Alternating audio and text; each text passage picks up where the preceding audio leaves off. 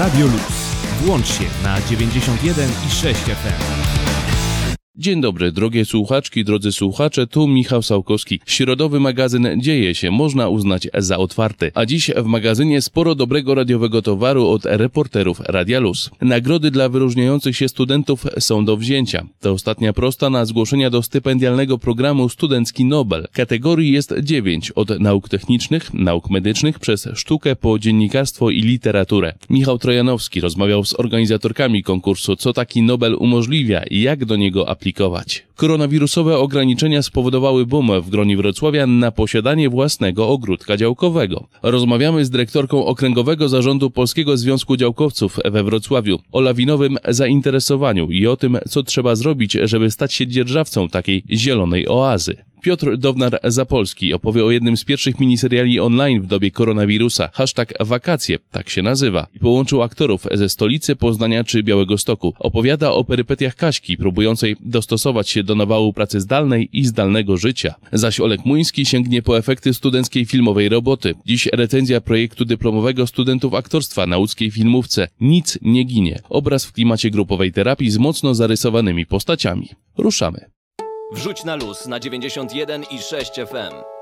Cześć, tu Michał Trianowski. Zbliża się finał Studenckiego Nobla i z tej okazji porozmawiałem z Aleksandrą Bodzioch i Alicją Książek, członkiniami zespołu Studenckiego Nobla z ramienia NZS-u. Zapraszam. Ze mną na linii są Aleksandra Bodzioch i Alicja Książek, e, członkinie zespołu Studenckiego Nobla e, z NZS-u. I od czego chciałem zacząć? O Noblu, tym ufundowanym przez Alfreda Nobla, ostatnio było głośno, a to za sprawą Olgi Tokarczuk. Olga Tokarczuk, która zdobyła właśnie tę nagrodę w dziedzinie literatury i literatura jest jedną z kategorii Studenckiego Nobla z dziewięciu kategorii. Jeżeli możecie e, przedstawić te pozostałe osiem kategorii, w których możemy zdobyć tego Studenckiego Nobla. W tym roku poszerzyliśmy zakres kategorii, bo jest ich aż dziewięć i oprócz właśnie tej literatury, a dokładniej dziennikarstwo i literatura, e, są też nauki techniczne, sztuka, nauki przyrodnicze i energetyka, fizyka i astronomia, medycyna i informacja, nauki społeczne, nauki ekonomiczne i ostatnia kategoria to działalność społeczna. Ostatni dzwonek na zgłoszenia, prawda? Tak, zgadza się.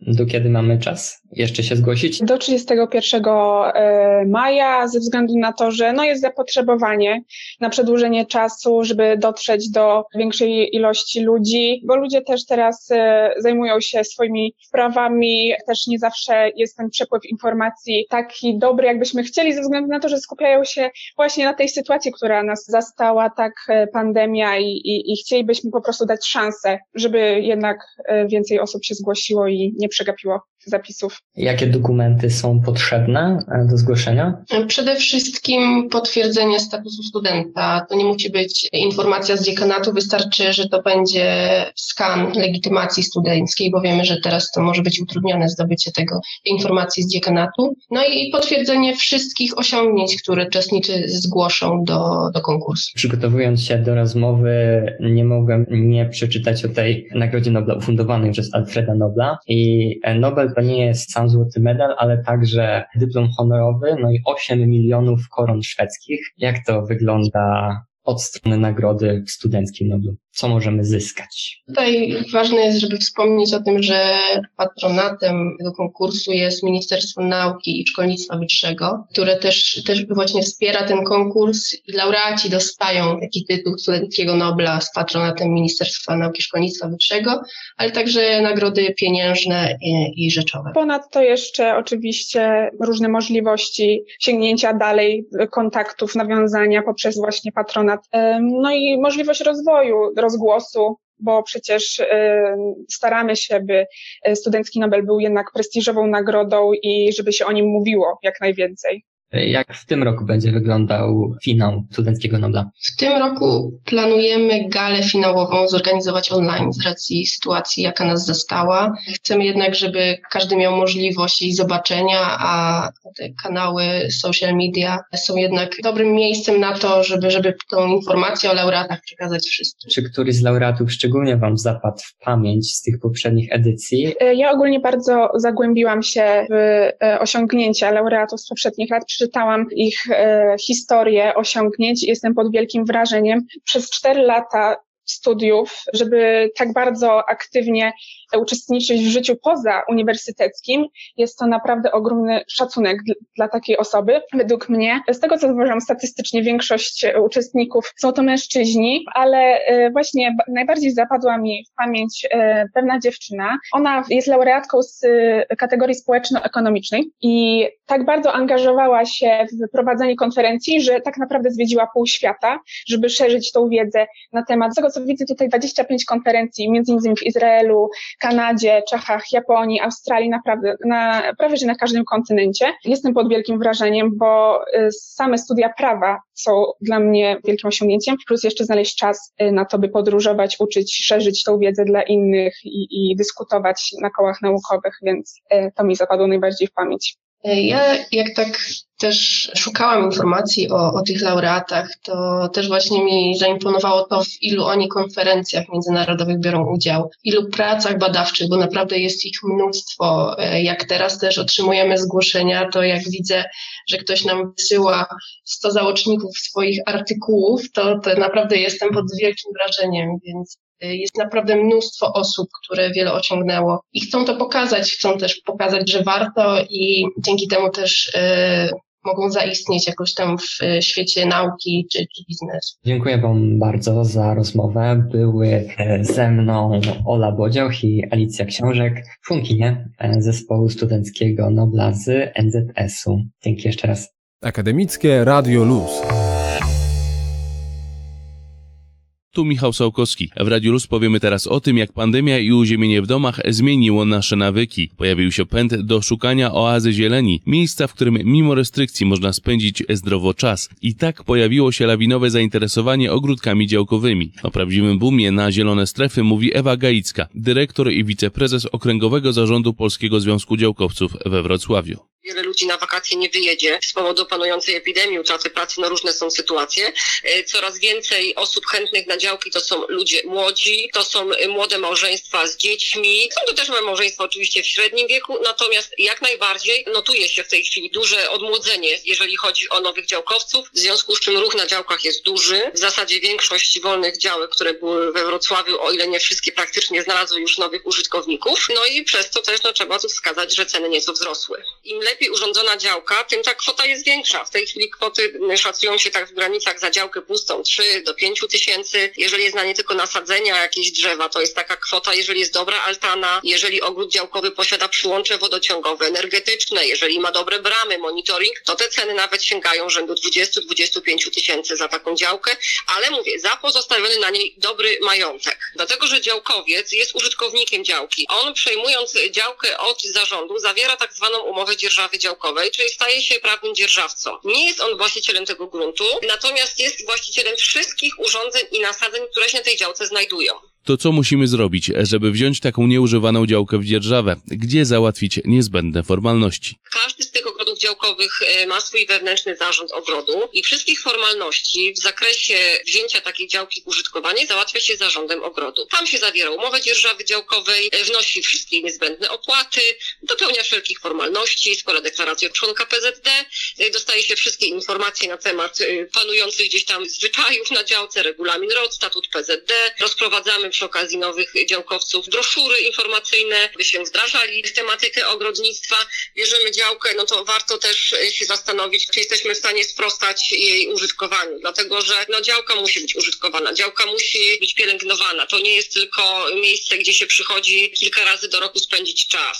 Trzeba przestrzegać regulaminu ROD, trzeba przestrzegać zapisów statutu PZD, trzeba dbać o ten ogród, trzeba się gdzieś tam z tym, z tym ogrodem integrować. No tak, żeby ta atmosfera na działkach była przyjazna, żebyśmy wszyscy mieli tylko i wyłącznie przyjemność skorzystania z tych ogrodów działkowych. Do formalizmów jeszcze wróćmy. Żeby dzierżawić nieużytkowaną działkę, musimy zwrócić się do zarządu poszczególnych ogrodów, a mamy ich we Wrocławiu 156. Z kolei, jeżeli chcemy przejąć dzierżawę od poprzedniego właściciela, to powinniśmy udać się do notariusza, by sporządzić umowę przeniesienia prawa do działki. Biorąc pod uwagę przewidywania epidemiologów o możliwych nowych falach pandemii, na przykład jesienią, może się okazać, że taka zielona oaza będzie wentylem normalności, kiedy usadzi nas nowa seria koniecznych obostrzeń, a wentyl ten kosztuje od 3000 do nawet 20 tysięcy złotych, w zależności od standardu działki, którą dzierżawimy oraz sprzętu, który na niej jest. Ale może przynajmniej wtedy lasy nam zostawią otwarte i darmowe.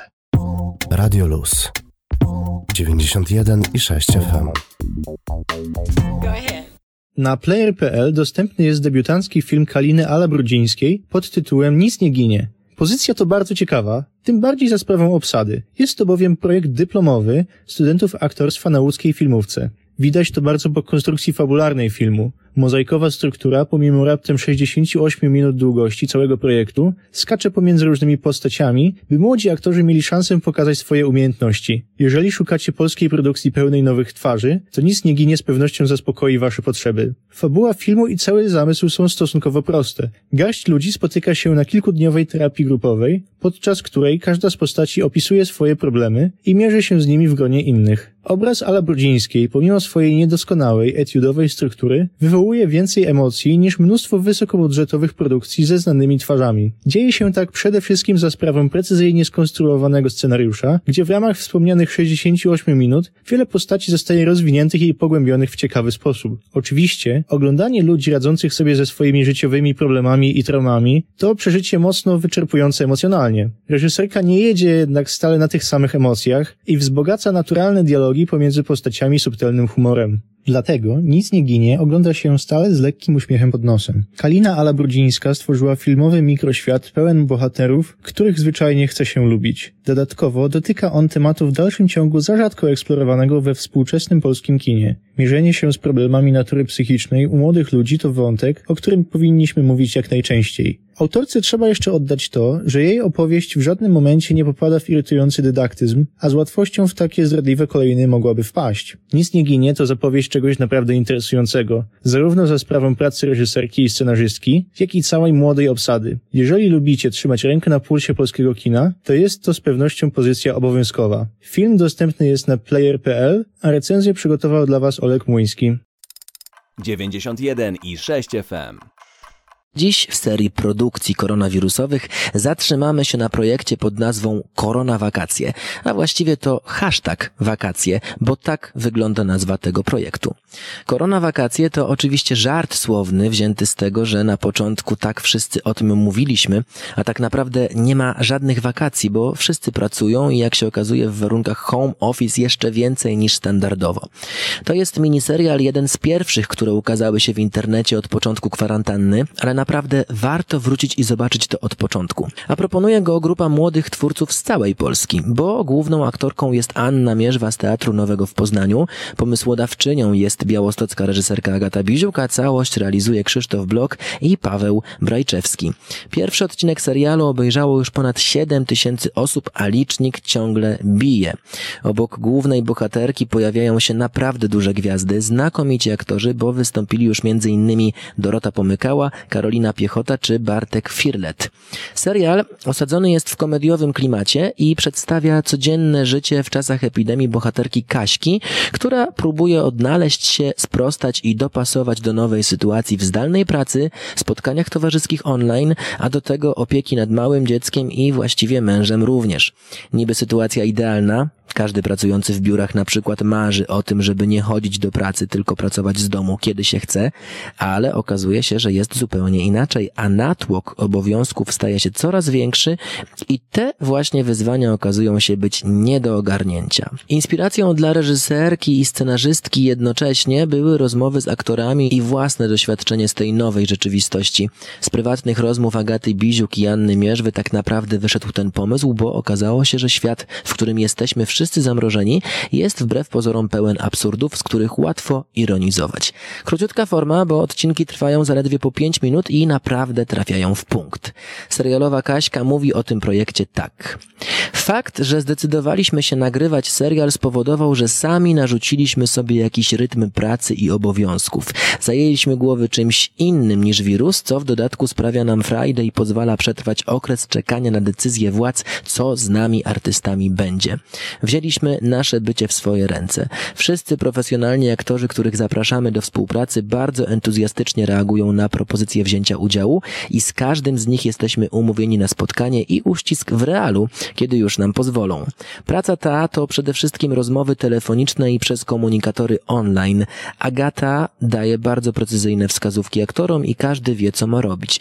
Teraz po siedmiu odcinkach chcemy zrobić krótką przerwę i być może wrócić z kolejnymi odcinkami. Taką odpowiedź o tym projekcie otrzymałem od aktorki Anny Mierzwy. Z jednej strony możemy się przyczepić, że o matko, znowu o tym wirusie, dajcie już spokój, dajcie żyć, ale z drugiej pamiętajmy o tym cały czas, że to jedna z pierwszych propozycji tego typu w czasach epidemii w Polsce, a poza tym mimo wszystko temat jest tu potraktowany bardzo lekko, bardzo codziennie. E, do tego naprawdę znakomita już wspomniana przeze mnie wielokrotnie na antenie Radia Luz Anna Mierzwa, która mam wrażenie urodziła się z zacięciem komediowym i jest w tym po prostu prawdziwa i naturalna. I tak samo cała znakomita obsada, która w niczym nie odstaje od Mierzwy. Jest bardzo dobrze dobrana do historii odcinków, dobry scenariusz, świetny montaż i po prostu dobrze i przyjemnie się to ogląda.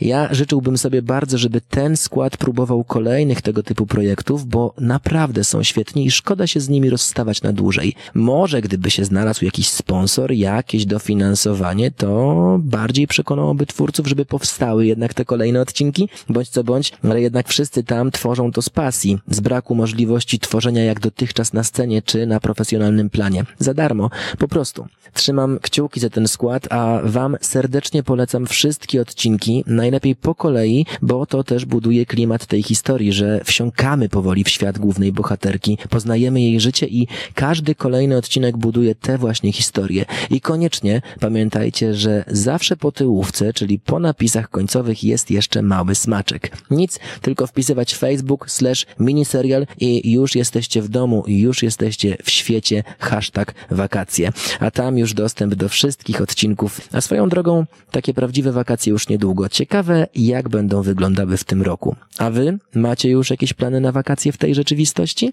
Jeśli nie, to na pewno warto pomyśleć i zastanowić się, jak można je zorganizować. I na pewno warto też zostać z Akademickim Radiem Luz. Piotrek Downar Zapolski, trzymajcie się ciepło. Akademickie Radio Luz.